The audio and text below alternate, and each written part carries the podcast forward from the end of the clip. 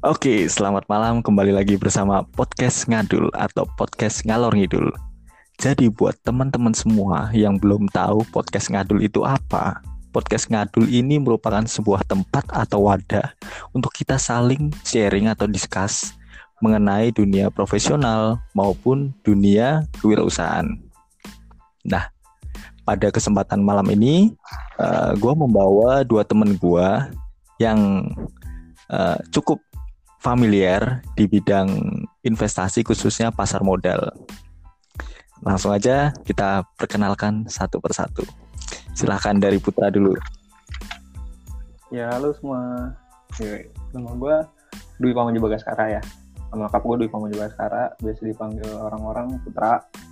Gue juga sebenarnya nggak pro-pro banget di dunia pasar modal ini ya. Seenggaknya udah sekitar hampir dua tahun lah, dua tahun. Jadi dari pertama gue kerja sebagai apa namanya budak korporat sebagai karyawan swasta ya sebagai karyawan swasta gue udah mulai mendalami tentang gimana sih cara investasi gimana cara menghemat uang okay. soalnya gue dapet apa namanya ya begitulah gimana uang gue biar nggak habis gitu pas kerja biar terus muter lah ya habis nih uangnya kan nah, nah jadi gue cari caranya gimana uangnya gimana caranya biar uang gue nggak habis gitu Hmm, gitu. Oke, okay. siap. Berarti lu udah sekitar dua tahun lah ya, Put, semenjak lulus kuliah ya? Ya udah lulus kuliah okay. pas kedua kan tuh dari kerja mm. langsung langsung investasi di pasar modal ini coy oke okay. nanti kita discuss banyak ya Put selanjutnya Hasbi ya, silakan Oke, halo semua. Perkenalkan nama gue Hasbi. Saat ini pekerjaan gue sebagai Equity Research Associate di Trimega Sekuritas adalah salah satu perusahaan broker lokal nasional yang termasuk kita memiliki partner dari luar juga ada dari BNP Hong Kong. Jadi ya ini gue temannya Bernard. Nah, kerjaan gue sehari-hari ya mantengin saham-saham apa yang menarik rekomendasi apa sih yang harus dilakukan oleh investor dan lain-lainnya. Oke siap. Perkenalan singkat padat dan jelas ya Wi. Nah iya. menarik banget sih. Uh, tadi equity research analis ya Bi equity research associate Ya, jadi associate dan analis di ya. Jadi sebenarnya tuh perbedaannya tuh adalah kalau associate itu itu masih junior. Walaupun okay. secara pekerjaan itu mungkin antara associate dan analis itu nggak beda jauh. Tapi secara stratanya itu associate itu masih masih junior. Oke, siap. Ibaratnya ada tingkatannya dan ini masih ya ibaratnya tingkatan pertama ya, Bi, sebelum langkah lebih tinggi ya. Betul betul. Tapi jadi skillnya udah senior Wir. Oke siap. Amin. Jadi jadi uniknya uniknya di dunia pasar modal yang kerja di bidang equity analyst itu tingkatannya tuh cuma ada tiga sebenarnya junior, hmm. analis dan langsung head off. Jadi nggak ada tengah-tengahnya tuh paling kayak cuma jadi kayak senior analis which sama aja sebenarnya. Jadi cuma ada tiga. Oh, Oke. Okay. Ya, jadi kayak senior manager atau apa itu sebenarnya nggak nggak terlalu beda jauh. Hmm, hmm. siap Nah, malam ini kita mau bahas soal investasi di saham nih Bi. Oke. Okay. Nah, mungkin dari awal dulu nih ya, kita kenalin orang-orang khususnya pendengar nanti yang mungkin masih awam, saham itu apa sih menurut kita semua nih? Dari gua dulu ya. Menurut gua itu saham itu bukti kepemilikan terhadap suatu perusahaan yang berbentuk uh, eh, PT ya atau perusahaan terbuka ya. Nah, terus keuntungannya itu apa Ber dari uh, saham? Menurut gue tuh ada dua, yaitu capital gain dan dividen. Itu menurut gue nih. Kalau menurut Putra sama Hasbi gimana? Apa dulu nih? Kalau dulu boleh Put. Boleh ya, boleh ya. Ya menurut gue sih kalau saham itu ya ibarat kendaraan lah untuk mencapai suatu tujuan. Bisa kita masih bisa pakai banyak kendaraan kan bisa pakai mobil misalnya kayak pasar modal tuh di saham ada ada obligasi ada apa. Nah, saham itu termasuk kendaraannya itu untuk mencapai satu tujuan. Oke. Okay. gitu sih cara simpelnya. Simpelnya gitu. Jadi kalau gue tangkap dari yang putra uh, apa ibaratkan jadi untuk mencapai tujuan itu nggak hanya harus lewat ini ya put. Mobilnya tuh nggak hanya ya. lewat saham ya tapi banyak banyak ya. instrumennya ya. Banyak kendaraannya Oke. Okay. Salah satunya itu saham. Siap. Mencapai suatu planning planning investasi lah. Planning Yang- planning apa? Finansial. Iya. Oke, kalau menurut Hasbi, menurut lu apa bi? Jadi gue bakal nambahin aja sedikit nih. Jadi sebelumnya kita perlu ketahui juga jadi kenapa ada pasar modal itu dikarenakan adanya pihak yang kekurangan modal. Di satu sisi ada pihak yang kelebihan modal. Mereka itu dipertemukan di pasar modal ini. Oke, Ya, jadi instrumen pasar modal tuh banyak. Ada bonds, ada saham, ada pembiayaan lainnya. Dan nanti keuntungannya sebagai investor itu bisa mendapatkan yang tadi udah dibilangin sama Bernard dan Put dan dan Putra, bisa Putra. dari capital gain atau dari dividen. Tapi tujuannya itu baik lagi saham itu adalah tempat di mana ada kekurangan modal dan ada yang kelebihan modal seperti itu. Oke, siap Bi. Penjelasannya cukup detail dari Hasbi. Nah, terus pertama kali mulai invest di saham tuh kapan sih? Terus di saham ya, bukan yang di instrumen lainnya ya. Kalau gue pribadi jujur aja mulai ini belum terlalu lama sih. Kalau di saham sekitar jalan tiga bulan dua bulanan terakhir ini, pas lagi musim pandemi ini dan katanya kan lagi banyak yang diskon kan. Jadi pas banget gue mulai dan harganya ya cukup ya beberapa cukup oke lah buat dikoleksi. Nah kalau Putra sama Asbi kapan nih? Kalau gue sih kalau mulai bener-bener di sahamnya ya. 2019 Maret Hmm, gue baru baru daftar di sekuritas Panin. Hmm, ya dan itu Kalau- apa Put? Eh, kalau boleh tahu emiten apa yang pertama kali lu koleksi? Pertama gue beli Telkom. Oh Telkom sampai sekarang masih di hold. Ya jual beli sih tapi tetap aja di Telkom. Oh Pasti ada Telkomnya. siap. Nanti kita bahas kenapa lu milih Telkom dan alasannya apa gitu ya Put setelah Iya. ini. kalau Asbi? Nah, kalau gua gue pertama kali itu kena itu waktu kuliah. Tuh tapi masih belum terlalu detail banget. Tapi ya Oke. luma- udah lumayan kenal dari kuliah. Tapi sebelumnya itu kalau misalnya di flashback itu sebelumnya gue pernah pertama kali tahu itu waktu SMA. Jadi eh, emang waktu itu kebetulan pas SMA tuh gue sering ikutan lomba-lomba saham gini. Di antara Hmm, lomba ekonomi di antaranya itu saham. Jadi udah lumayan Oke. kena exposure-nya ya. Tapi baru benar-benar fokus banget dari tahun 2019. Ya kurang lebih sama kayak Putra.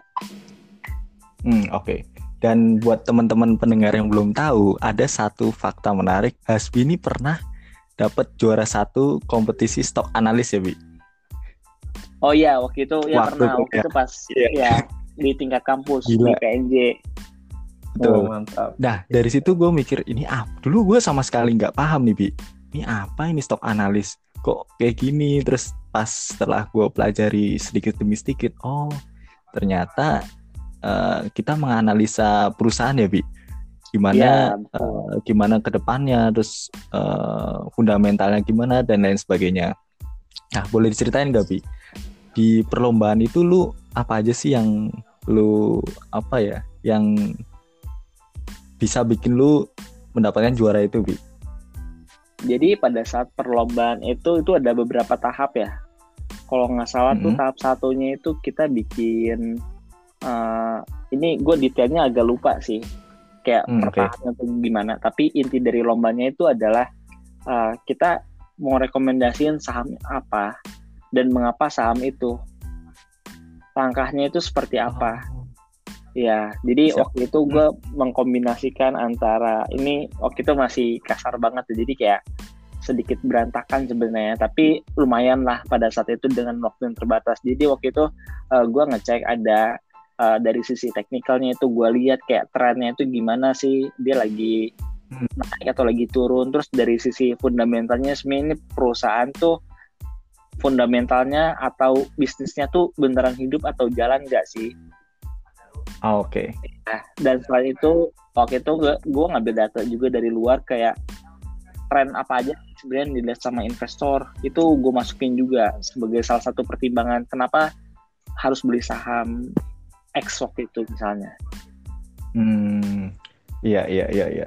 Berarti kayaknya yang bikin lu juara satu mungkin kalau gua tangkap sekilas ya dari eh, pembahasan lu ini mungkin yang lu bahas ini lebih akurat dan lebih kena gitu bi dibandingkan uh, teman-teman lainnya mungkin ya bi mungkin ya tapi kan ya kita namanya perlombaan nggak pernah tahu ya penilaian juri itu yeah. seperti apa oke okay. ya. siap tapi ya tapi Siap. dari situ setidaknya gue belajar oke okay, harus belajar lebih baik lagi harus dirapihin karena kan pada saat itu ada jurinya dan mereka kasih masukan juga kan bagaimana cara mendapatkan apa yang gue peroleh itu mempertahankannya. Dan hal-hal seperti itu yang sampai sekarang tuh terpakai banget ilmunya dengan kerjaan gue sekarang.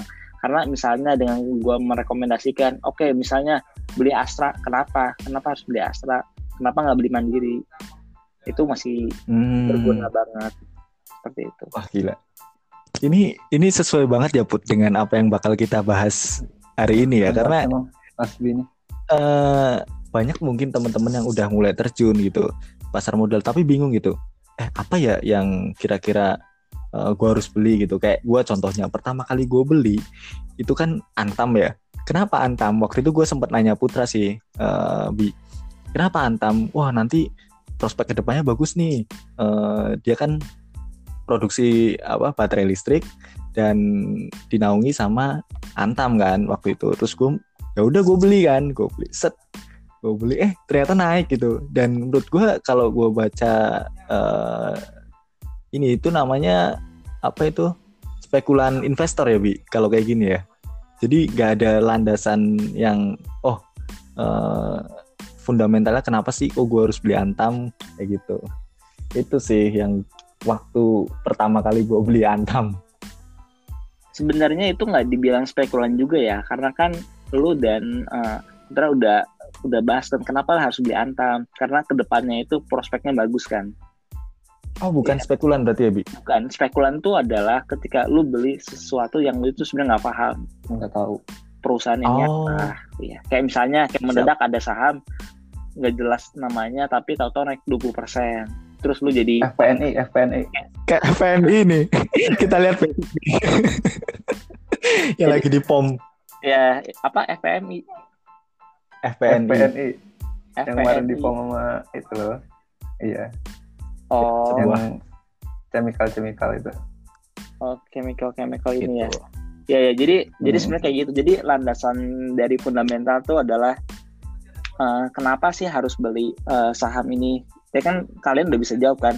Ini ke depannya tuh prospeknya bagus. Betul. Dan malah di saat oh. seperti ini, dikala lagi lagi COVID, lagi pandemi krisis kayak gini, di mana volatilitas tinggi, itu malah sebenarnya tuh dengan kalian berpikir simple simple uh, apa seperti tadi tuh udah menghemat banyak waktu dan mendapatkan return yang lumayan kan dibandingin oh antam cari cek detail kenapa. Oh oke okay. berarti yeah. uh, mungkin ini tips ya buat pendengar semuanya. Uh, pertama kali disarankan untuk membeli apa ya? Perusahaan yang lu ngerti gitu. Dan kenapa sih lu beli itu? Ya contohnya simpelnya gue nih uh, gue beli ini karena nanti ke depan oh bakal bagus nih prospeknya. Makanya gue percayakan itu. Nah pertanyaannya sekarang gini Bi. Kalau misalnya nih gue beli kemarin kan ada ABA juga kan Mahaka Media kalau nggak salah. Itu punyanya Erick Thohir. Nah gue percaya aja nih oh ini punya Erick Thohir gue taruh uh, gue percaya sama orangnya nih. Kira-kira menurut lu gimana Bi? Itu salah apa enggak itu nggak salah juga sebenarnya. Jadi orang itu ketika nih khususnya untuk perusahaan ini kan kategori small caps ya kayak Mahaka hmm. Media, Mari atau tadi FPNI ya. Jadi hmm. salah satu penilaian penting adalah uh, siapa pemilik saham itu, ownernya itu siapa. Ah, Oke. Okay. Ya itu ownernya siapa. Oh ini Erick Thohir. Setidaknya harusnya uh, dia punya GCG yang baik kan. Setidaknya iya, kan. Ya betul. Ya tapi GCG apa sebenarnya dengan Coba dengan GCG oh ya oh iya. GCG itu adalah good corporate uh, governance. Jadi ini tuh uh, tata kelola perusahaan itu sebenarnya tuh baik atau tidak. Manajemennya itu bagaimana track recordnya. Apakah hmm, manajemennya oh, itu suka ngeluarin pengeluaran-pengeluaran yang nggak jelas? Misalnya kayak ada harusnya beli tanah per meternya 10 juta tapi dia markup jadi per meternya 15 juta. Jadi capexnya jadi keluar banyak sehingga uang yang hmm. harusnya bisa dipakai buat bagian dividen atau buat bayar utang malah nggak ada. Ya, ya. Iya. Jadi ya, jadi kalau misalnya kalian main small caps itu harus diperhatikan banget sama pemilik sahamnya itu siapa. Dan baik lagi ke Mari. Ini Mari, emang kalau misalnya kita lihat sekarang harga Mari 59. Padahal dulunya kan bisa ratusan ya. Hmm, ya. Iya, bisa. Dulu kan sempat peaknya itu kan hampir 300 kan. Nah, di di kala Sekarang. di kondisi sekarang kalau misalnya kita lihat fundamental itu nggak akan masuk sebenarnya angkanya. Kayak dia Oh, masih rugi segala macam. Tapi dengan kita lihat oh ini uh, ownernya Erick Thohir terus dia itu kan ada aplikasi itu ya noise ya. Dia kan Iya. ya dia kan kayak Spotify versi Indonesia kan. Walaupun masih dalam tahap pengembangan. Nah dengan dia punya prospek ke depan setidaknya itu bisa kita lihat kalau ke depannya ini perusahaan ada ada growth opportunity-nya. Dan dengan harga 59 downside-nya itu kecil. Jadi di harga segini paling banyak turun ke berapa sih? Kayak misalnya ke 50 terus ya udah. Tapi kalau misalnya ternyata be- benar itu bisa aja dia baik ke 100 200 atau bahkan ke 300 lagi gitu. Jadi kalau misalnya kita ingat dulu belajar statistik probabilitas ini downside risk to upside risk-nya itu lebih tinggi upside risk kan? Hmm. Ya, jadi sebenarnya kayak Mari ini menarik, cuman kita masalahnya itu nggak tahu ini waktunya kapan. Ya, kapan sih dia bisa naik? Karena kalau misalnya kita lihat dari laporan keuangan dia masih belum perform banyak ya. Apalagi dengan adanya Bener. COVID ini kan orang banyak cut ad spending kan. Iya, Padahal ads efisiensi. itu ya, padahal kan ads itu kan salah satu salah satu pendapatan utama mereka. Ya, Hmm, jadi ini oke. salah satu tips juga. Jadi kalau misalnya mau lihat beli saham apa, selain kayak pemiliknya siapa, lihat bisnis modelnya. Ini bisnisnya tuh kayak gimana sih? Kalian tahu nggak sih produknya? Dan juga kita lihat Hmm. dia ada growth gak sih ke depannya? Dia punya prospek Nah. pertumbuhan apa ya? Dan terakhir yang tadi yang upside sama downside risk-nya itu bagaimana? Apakah menarik atau tidak? Itu. Oke. Jadi eh, kalau gua boleh lihat ya, Bi, eh, cara kita melihat growth bisnis ke depannya itu gimana sih, Bi? Nah, ya, kalau misalnya bagaimana cara melihatnya ya kita harus pelajari perusahaannya. Kita harus Oke. buka annual reportnya atau presentation mereka atau kita pelajari industrinya. Misalnya kayak Putra itu kan di salah satu perusahaan tambang ya Put ya. Iya betul, ada Ruby. Nah, ya Anaknya situ sih, kan anaknya. bisa. Ya dari situ kan bisa lihat kan, oh setidaknya nih Adaro tahu kan kerjanya gimana sih kayak, oh Adaro nambah pesanan buat heavy equipmentnya, berarti nanti ke depannya bakal ada uh, call yang digali lebih banyak. Terus kondisinya seperti apa? Jadi kalau misalnya untuk mempelajarinya itu bagaimana ya, untuk memahaminya bagaimana ya harus dipelajari. Jadi untuk bisnisnya nggak bisa Oke. emang nggak bisa instan, tapi ya simpelnya kayak tadi cara mikirnya kayak cari yang kuncinya aja kayak antam oh ini nikel ya udah beli aja beli gitu tapi ya Hmm. gitu lagi nanti orang tuh biasanya tuh pasti lihat ini harganya udah berapa sih valuasinya Kemahalan Masalahnya- ya? Oke. iya masalahnya tuh di kondisi sekarang tuh valuasi itu jadi rada-rada nggak ini ya kalau buat yang nikel iya. gitu ya Benar ya benar. valuasi kita bisa Maksudnya nilai intrinsik bukan sih? Eh, iya nilai intrinsicnya. Hmm, oke. Jadi orang biasanya simpelnya oh ya udah kita lihat multiple-nya aja. Multiple itu ada banyak. Di antaranya ada price to earnings, maksudnya market cap dibagi dengan net profit atau price to book value, market cap dibagi sama equity dia tuh berapa. Kenapa ini yang dilihat paling simpel? Karena dengan kalian itu menghitung ini, itu bisa dengan gampang di dibikin perbandingan. Oh, Telkom price to earnings-nya 8 kali, misalnya Mm-mm. Antam 30 kali. Ya kan yang satu lebih mahal kan. Iya, betul. Tapi ini Antam masalahnya nikel di mana-mana multiple-nya tinggi. Kayak Tesla bisa 1000 kali ya, terus naik terus. Iya. Jadi ya jadi rada susah jadinya sekarang tuh. Oke. Ya, tapi beberapa kadang kita Siap. bisa nemuin ada yang ketinggalan biasanya saham-sahamnya. Iya. Tapi lagi masa kayak gini nih, Bi. Oke. Lu Iya. setuju gak sih, Bi, kalau fundamental analisis sama technical analisis tuh kalah sama rumor analisis? Jadi kayak berita-berita gitu ngalahin semua fundamental sama technical. Setuju gak, Bi? Oh, sentimen Iya, sentimen sentimen. berita ya. Eh, ya kalau namanya sentimen tuh emang dari dulu tuh emang selalu lebih kuat ya. Jadi selama masih rumor itu saham tuh masih bisa volatil, volatile, bisa naik bisa Hmm. turun. Tapi ketika newsnya itu keluar berarti itu disebutnya udah ke price in. Jadi ya orang udah tahu. Oh, Cuman kayak kemarin Antam itu orang tuh udah pada tahu kalau Antam tuh mau ada ini, mau ada agreement kan sama eh, sama apa? Hyundai Sama kalau nggak salah. satu produser ini ya, Nick Nur ya, kalau nggak salah. Tesla ya.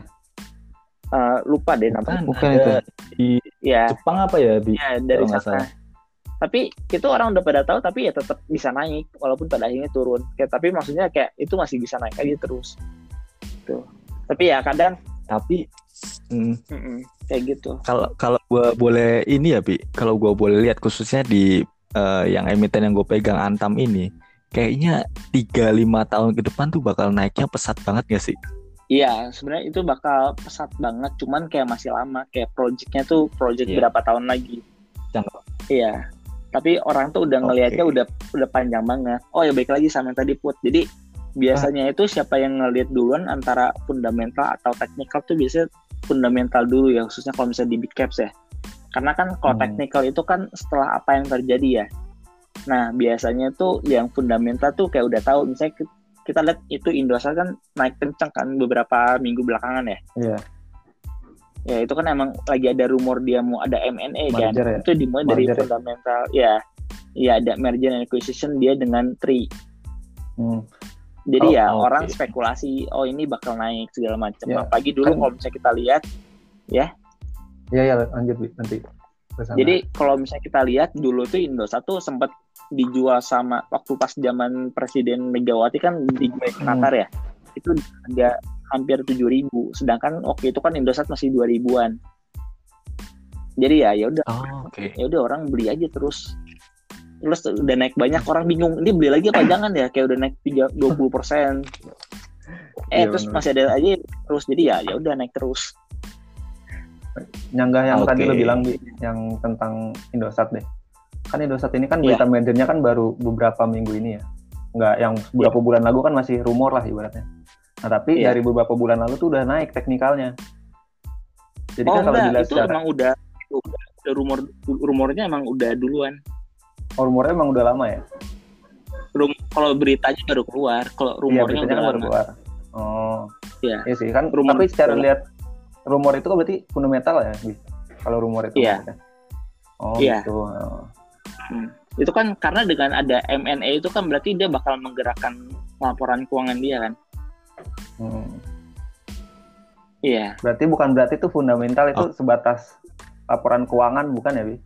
Jadi berita gitu-gitu juga termasuk dari fundamental ya. iya karena kan berita itu kan mempengaruhi fundamental suatu perusahaan Hmm, iya, iya. Iya kan, dengan ada M&A nanti laporan keuangan dia berubah, fundamental dia itu kan jadi nggak, jadi total su- subscribernya Indosat nanti ditambah dengan Tri, jadi bisa banyak banget kan, Hmm, Iya. betul seperti itu. Oke, eh, eh, tadi kan kita ngomong fundamental, teknikal. Nah, mungkin buat teman-teman pendengar yang belum tahu, bisa dijelasin secara singkat nggak menurut kalian?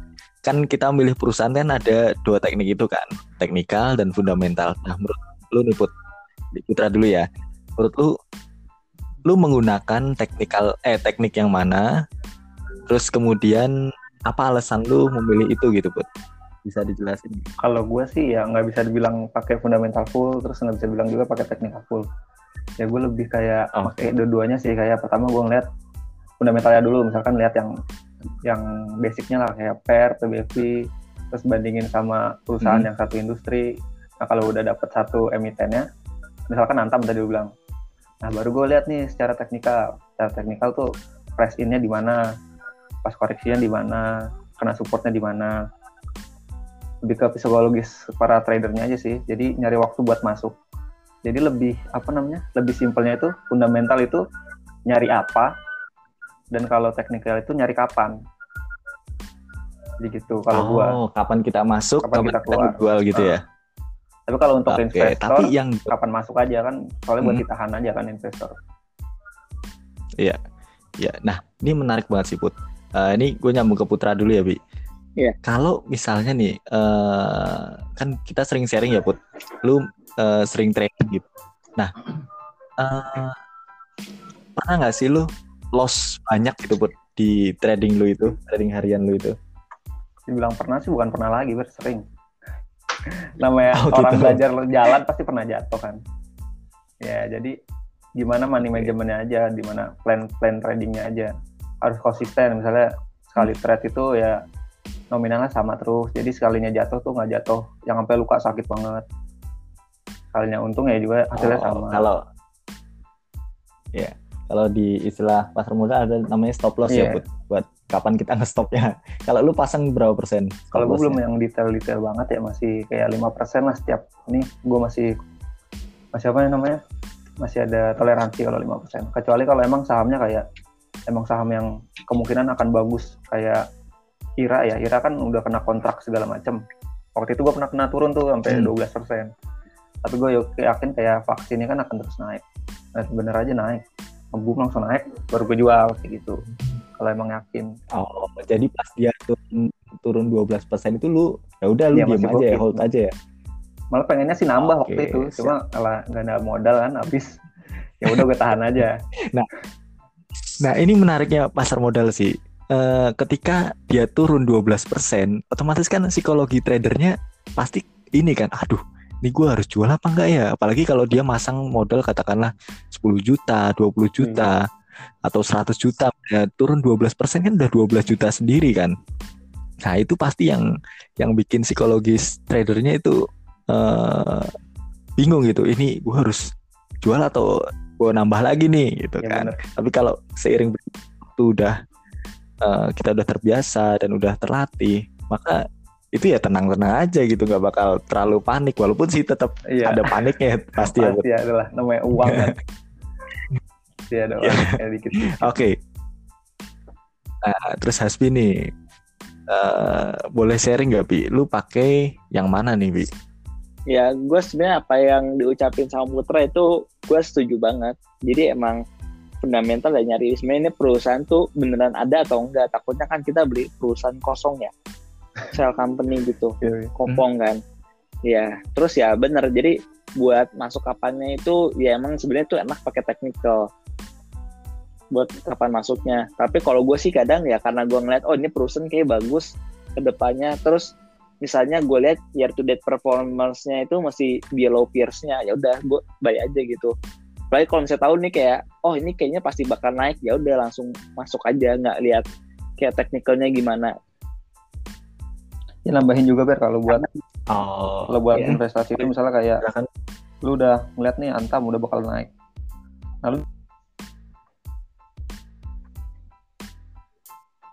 Ya bener-bener. Kalau gue emang karena gue nggak Oke. terlalu mempelajari teknikalnya, cuman tahu yang basicnya aja. yakin buat investasi ya lu nggak usah nunggu turun kalau emang buat investasi langsung Iya. jalan lama mikirnya apalagi Hmm. baru mulai kan Siap. Oke. Eh, nah, pernah Bener. nih, gue lagi baca-baca nih, Bi, Put. Eh, ada namanya istilah dollar cost averaging atau istilahnya itu kita nabung Iya, saham gitu. Nah, menurut kalian nih, ini kan kita nabung saham katakanlah misalnya nih, gue nih ya, yang baru terjun nih. Eh, gue gajian katakanlah tanggal 1 atau tanggal 1 besok kan libur tanggal 4 nih misalnya. Tanggal 4 gue gajian, gue langsung pengen nih gue setorin semua yang sudah gue estimasiin di bulanan itu 40% dari gaji gue gue langsung masukin ke eh, investasi saham. Menurut kalian gimana? Ini kan eh, kan gue nggak pakai analisa teknikal kan kapan masuknya tapi yang penting gue pengen di awal tuh jadi gue langsung dah gue belanja gitu. Kira-kira gimana menurut pandangan kalian? Kalau menurut gue yang kayak kayaknya gini, nih ya. Halo Be, halo nih gue nambahin nih Be. Aspi dulu mungkin bi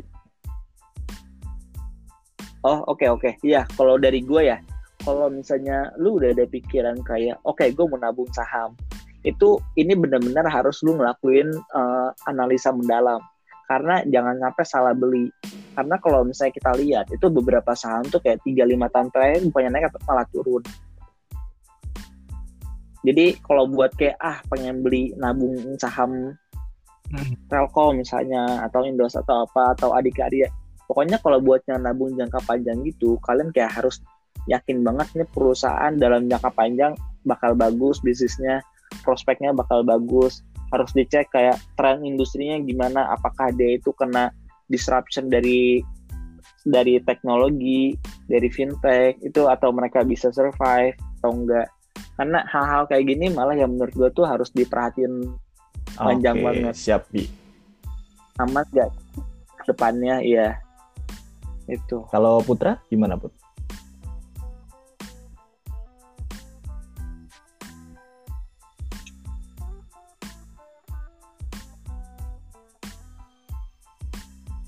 Kayaknya suaranya Putra agak nggak kedengeran nih. Oke, mungkin gue lanjut uh, ke berikutnya ya, Bi. Nah, uh, ini okay. nih ada beberapa pertanyaan nih, Bi gue masuk ke Q&A ya. Yang pertama nih, okay. uh, eh, singkat aja Siap, nih, ya. Kak. Halo, gimana sih? Halo. Ah, ini Putra dia. Tadi nggak ah, ada iya. suara. Oh, oh. Oke, okay. ini Putra yang tadi dimasukkan.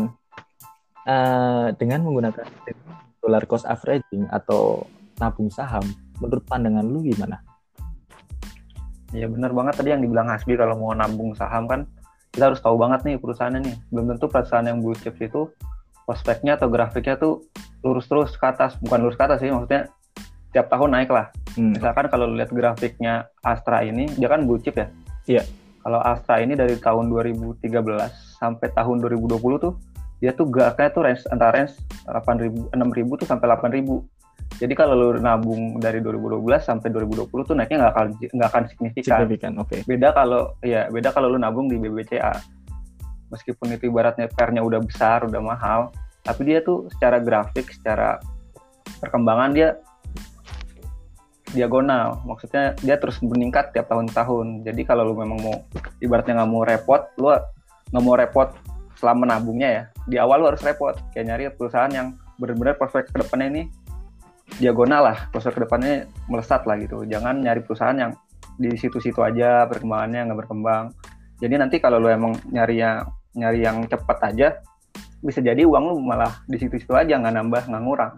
Oh. jadi sama aja lu kayak nabung biasa. Jadi okay, usahain disibuk di depan lah untuk nyari perusahaan yang growth-nya lebih lebih bagus gitu. Hmm. dan itu apakah bisa put Uh, kita tarik data katakanlah lima tahun ke belakang kan bisa kelihatan tracknya kan itu apakah bisa kita lihat dari situ bisa banget oke okay.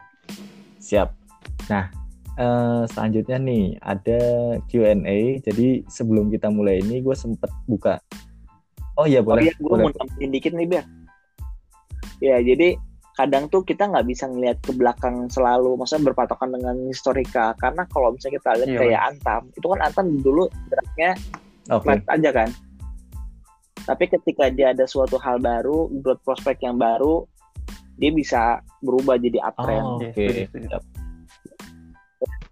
jadi maksudnya itu adalah uh, kita nggak bisa selalu berpatokan ke masa lalu walaupun masa lalu itu ada jadi salah satu uh, patokan dalam melihat ke depan tapi tetap harus lihat kayak growth prospect ke depannya itu gimana siap not hmm.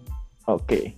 nah betul betul selanjutnya nih ada Q&A ini dari beberapa pertanyaan yang masuk jadi sebelum kita mulai ini gue sempat buka sesi pertanyaan di story gue dan ini ada beberapa pertanyaan yang masuk. Nanti mungkin dari Hasbi atau Putra bisa saling nambahin ya menurut pendapatan pendapat kalian kok pendapatan. Nah, oke. Okay.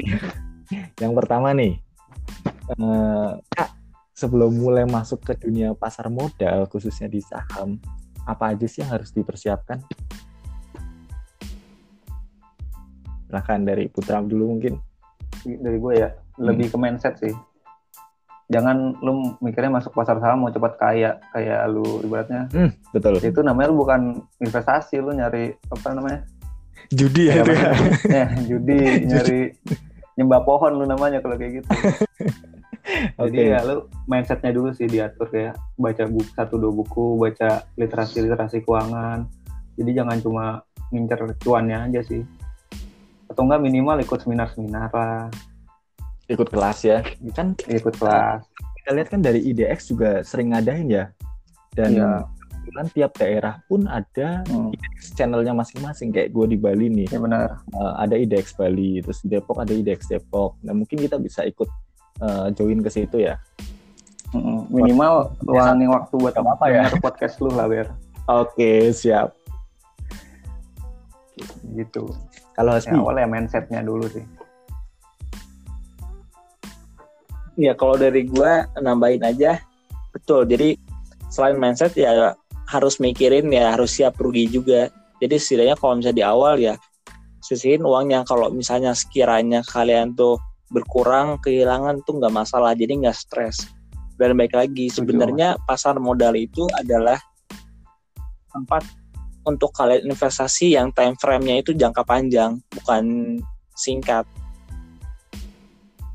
Setuju, setuju. itu itu sih yang harus pertama disiapin Oke, siap. Jadi kalau gue boleh simpulin dari kalian berdua, yang pertama itu mindsetnya dulu, jangan mau asal cepet kaya, tapi kita fokus untuk jangka panjang lah ya.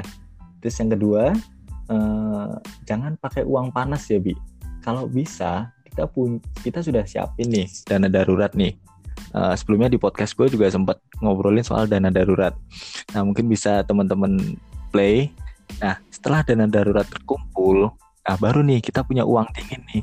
Dan apabila nanti kita taruh uang dingin kita di eh, pasar modal, katakanlah saat itu turun atau lagi merah, dan kita eh, nggak punya cadangan dana, tapi kita masih punya dana darurat.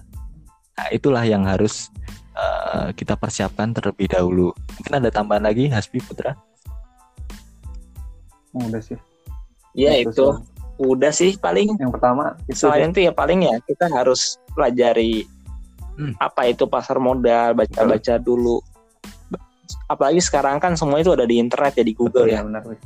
di YouTube banyak yang banyak yang ngasih penjabaran singkatnya juga Di podcastnya Bernard juga kan. iya Nanti mungkin kita bisa buat eh, kayak kelas kecil-kecilan ya, Bi? itu kita lihat nanti aja Oke, siap. Nah, terus kemudian nih, eh, Kak, eh, step by step beli saham itu gimana sih? Dan harus punya pendapatan berapa? kalau step by stepnya pertama sih kalian harus punya akunnya sahamnya itu dulu ya yang paling penting Oke. itu bisa buka di broker atau perusahaan sekuritas. Itu bisa di mana aja. Kalian bisa cari yang kalian cocok tuh yang mana. Nanti setelah kalian udah punya ya tinggal beli aja mau saham apa. Hmm, terus untuk minimalnya itu berapa? Kalau misalnya kita lihat minimalnya itu nggak ada minimal sebenarnya.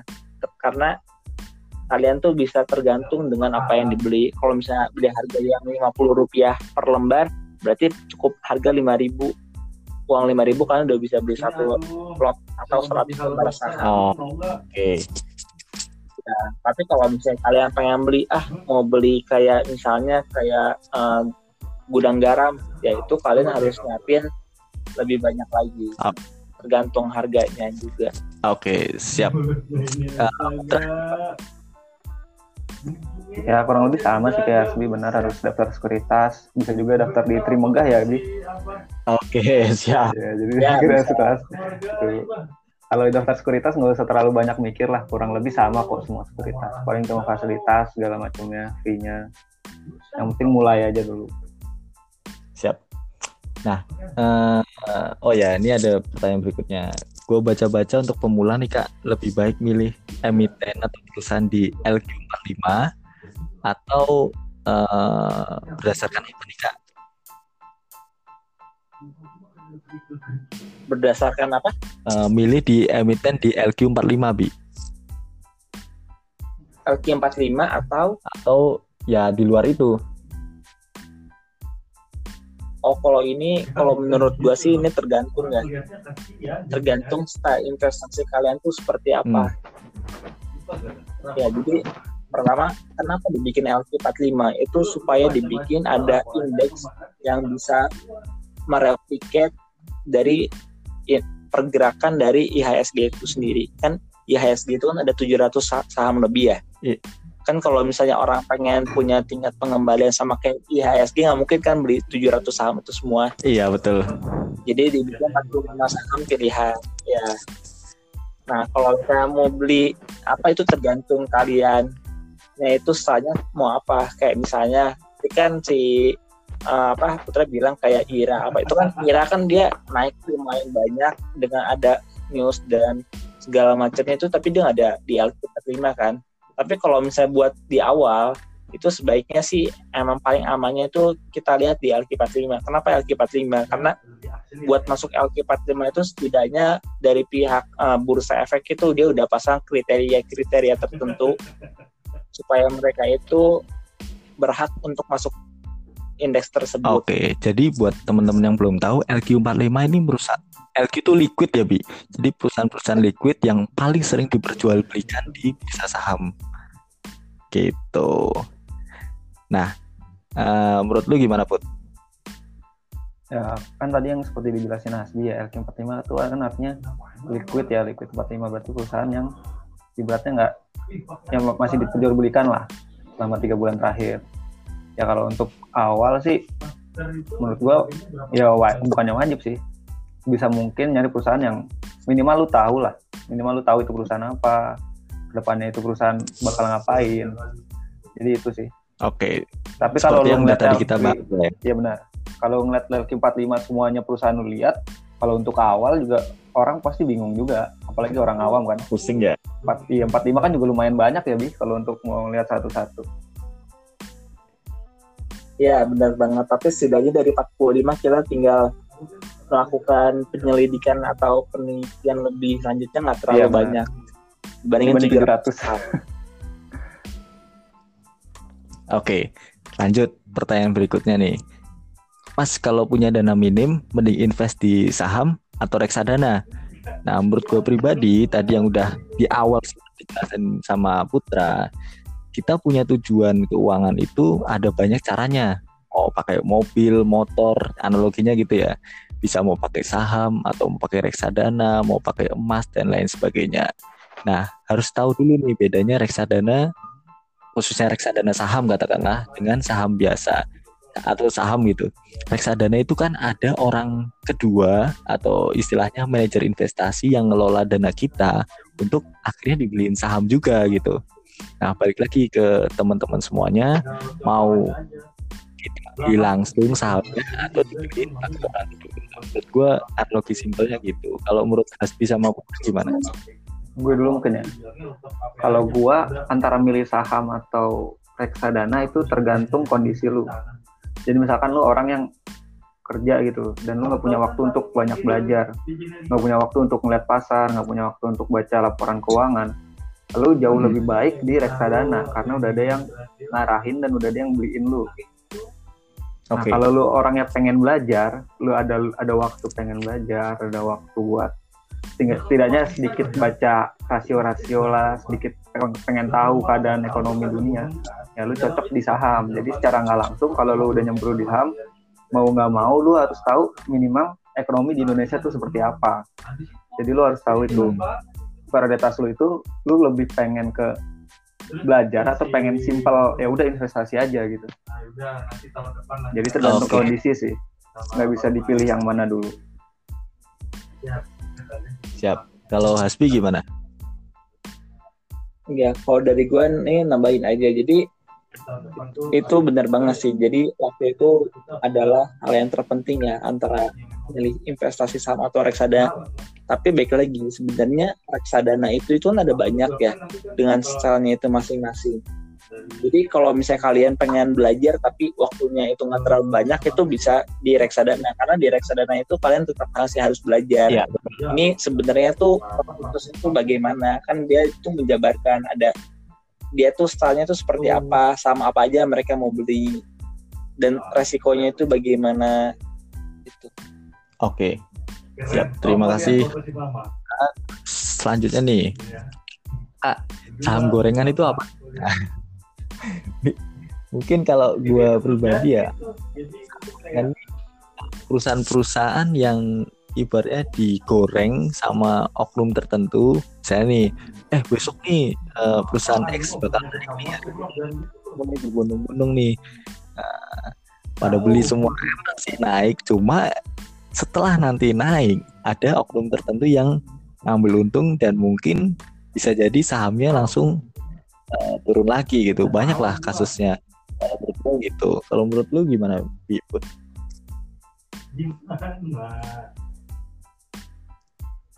Kalau ya saham gorengan lihat aja di market cap-nya sih. Kalau itu di bawah 5 triliun ya, Bi, kalau nggak salah ya, Bi. Itu disebut market cap yang kecil lah. Secret liner disebutnya. Nah, liner itu mudah di mudah dimainin lah ibaratnya. Jadi orang punya uang 3 triliun aja udah bisa mainin saham itu sih. Itu sih, bedain saham gorengan sama saham market cap-nya. Siap. Kalau menurut Hesti, kalau misalnya menurut gue, gue nambahin aja. Jadi sebenarnya itu saham yang bisa dikontrol oleh pihak tertentu dan biasanya itu selain dari market cap itu tapi dari sisi free float karena misalnya ada saham dengan dengan uh, market cap misalnya 50 triliun tapi free floatnya cuma satu persen.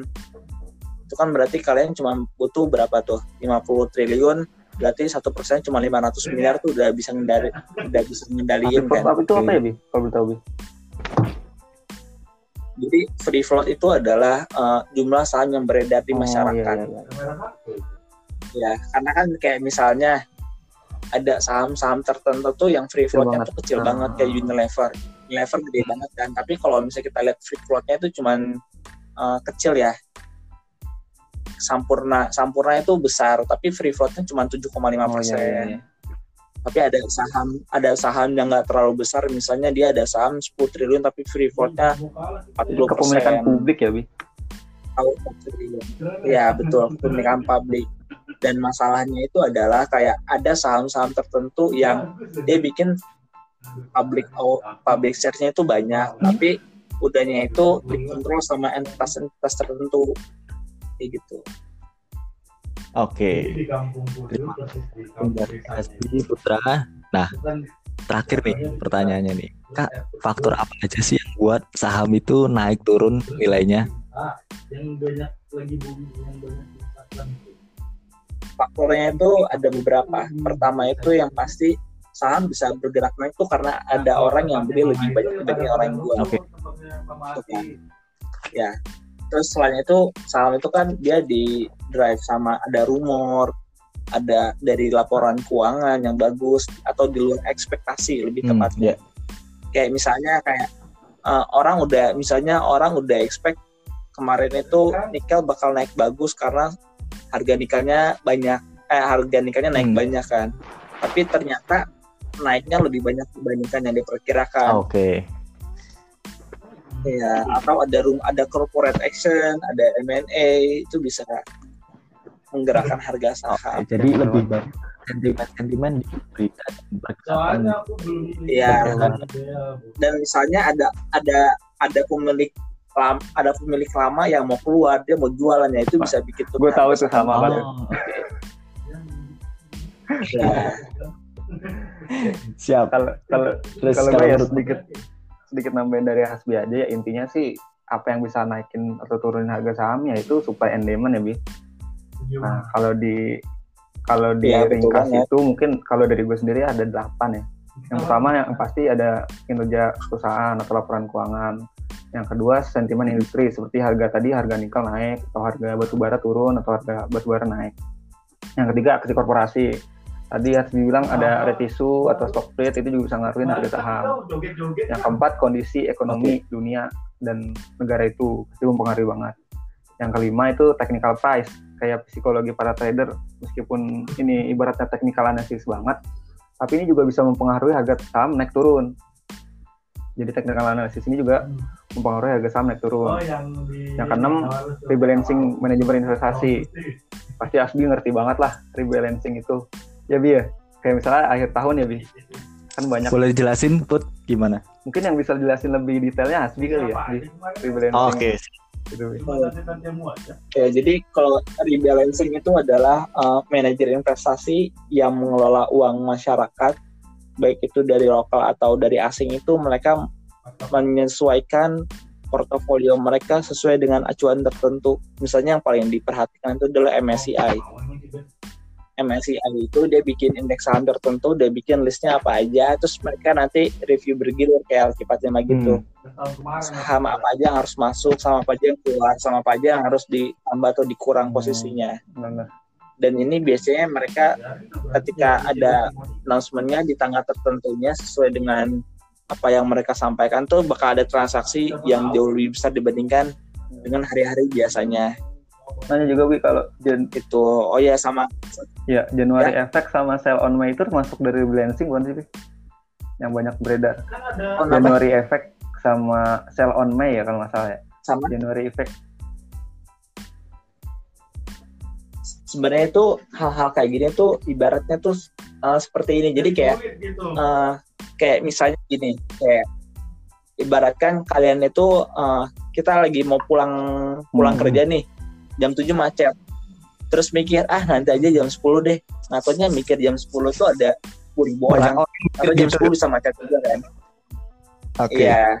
Nah jadi sama juga kayak di May Effect itu kenapa bisa terjadi ya? Salah satu faktornya itu adalah emang pada saat itu yang berpikiran seperti itu ada banyak. Karena ada banyak jadi kejadian. Oh. Di antaranya tuh kayak gitu. Iya. Oke. okay. Put tadi kayaknya baru tujuh ya yang rebalancing. Iya, iya baru enam ya. Terus satu. Dua, eh, baru dua lagi itu. Dua lagi itu aja aksi jual beli asing. Sama yang 8 ini kalau di Indonesia sekarang kan retail lagi banyak banget ya bi masuk kayak di tahun ini ya bi. Hmm. Nah, jadi retail ini udah yeah. mulai mempengaruhi harga harga pasar di Indonesia nih. Jadi aksi jual beli retail juga sekarang mempengaruhi harga turun atau naik. Itu sih. Kenapa harga itu bisa turun naik? Oke. Okay. Oh ya, jadi ada ya sebenarnya nih impact dari retail yang mendominasi itu adalah kita lihat kalau pergerakan saham tuh jadi lebih volatile ya. Hmm. Jadi bisa naik cepat turunnya itu cepat karena kan kalau retail itu kan psikologisnya kan bisa bisa bisa terimpact lumayan cepat ya dibandingin kalau misalnya manajer investasi. Iya, iya benar. Ya. Oke, nah menurut FYI ya buat uh, ini gue ngambil data terbaru sih bi. Uh, ini investor kita itu tumbuh 22% sekarang itu jadi total 3 juta akun menurut lu ini perkembangannya signifikan nggak?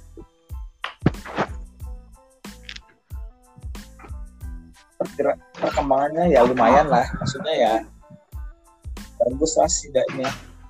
Jadi nungguin orang buat aware.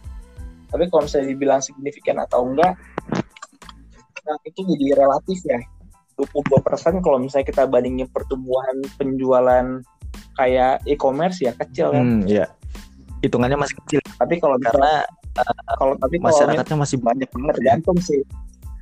Ya, ya itu tiga itu tiga juta ya tiga iya. juta ya. total masyarakat Indonesia ada berapa? Ada dua ratus ya. Ya, dos lima puluh ya, dos ya. ya itu kan artinya kan masih kayak lebih seperti kan, masih kecil tapi setidaknya ya udah lumayan oke okay lah orang setidaknya tuh mulai tahu apa karena emang kalau kita perhatikan banyak banget ya kayak ekspor di di YouTube, di iya. Instagram, yeah. di apa di banyak platform-platform online kan. Nah, ini mungkin efek sosial media juga ya, Bi, karena kalau kita lihat di TikTok, YouTube, Instagram itu makin banyak uh, fin planner fin planner yang uh, nge-share nih uh, apa sih keuntungan kita investasi saham dan lain sebagainya gitu. Nah, harapannya sih ke depan mungkin semakin banyak investor-investor retail khususnya eh, anak-anak ya semuanya lah di Indonesia ini kita bisa mulai investasi di pasar modal ya Bi Put. Gitu aja. Uh, mungkin nggak kerasa udah hampir sejam ternyata kita ngobrol-ngobrol. Nanti kita mungkin bisa bikin apa ya forum lebih uh, mendalam lagi. Karena pas kemarin kita voting bi itu ternyata perbedaannya dikit nih ada kita podcast waktu itu 5 52 persen kalau nggak salah kalau terus ada minta kelas juga Google Meet gitu itu sekitar 48 persenan nah mungkin nanti kalau Hasbi dan Putra ada waktu kita uh, bisa diskus bareng lewat Google Meet atau Zoom ya ke depan. Oke oke. Oh iya ini nambahin Oh, iya, boleh. terakhir eh, sebelumnya eh, kita pasang disclaimer ya. Jadi apa yang kita sebutin pada hari ini itu kita tidak merekomendasikan Betul. beli atau jual. Ya, jadi apa yang kita omongkan hari ini itu lebih terbatas pada eh, informasi edukasi saja. Seperti itu. Oke, benar juga. Eh, tadi yang mungkin kita sempat sebutkan, mungkin saham-saham yang udah kita sempat sebutkan itu bukan eh, rekomendasi, tapi ini ya ini milik kita gitu, yang yang kita punya gitu. Jadi kita sharing apa yang ada di dalam eh, kepemilikan kita. Gitu aja. Dari Putra ada mau tambahan? Udah sih cukup. Oke, siap. Terima kasih banyak. Gak kerasa waktu udah berjalan satu jam lebih, eh kurang satu jam kurang. Makasih atas waktunya Hasbi Putra. Semoga di lain kesempatan kita bisa diskusi lebih mendalam lagi. Itu aja. Sampai jumpa pendengar sekalian. Terima kasih sudah mendengarkan podcast Oke, ngadul. sampai jumpa. Thank you Bernard. Thank you, Ber.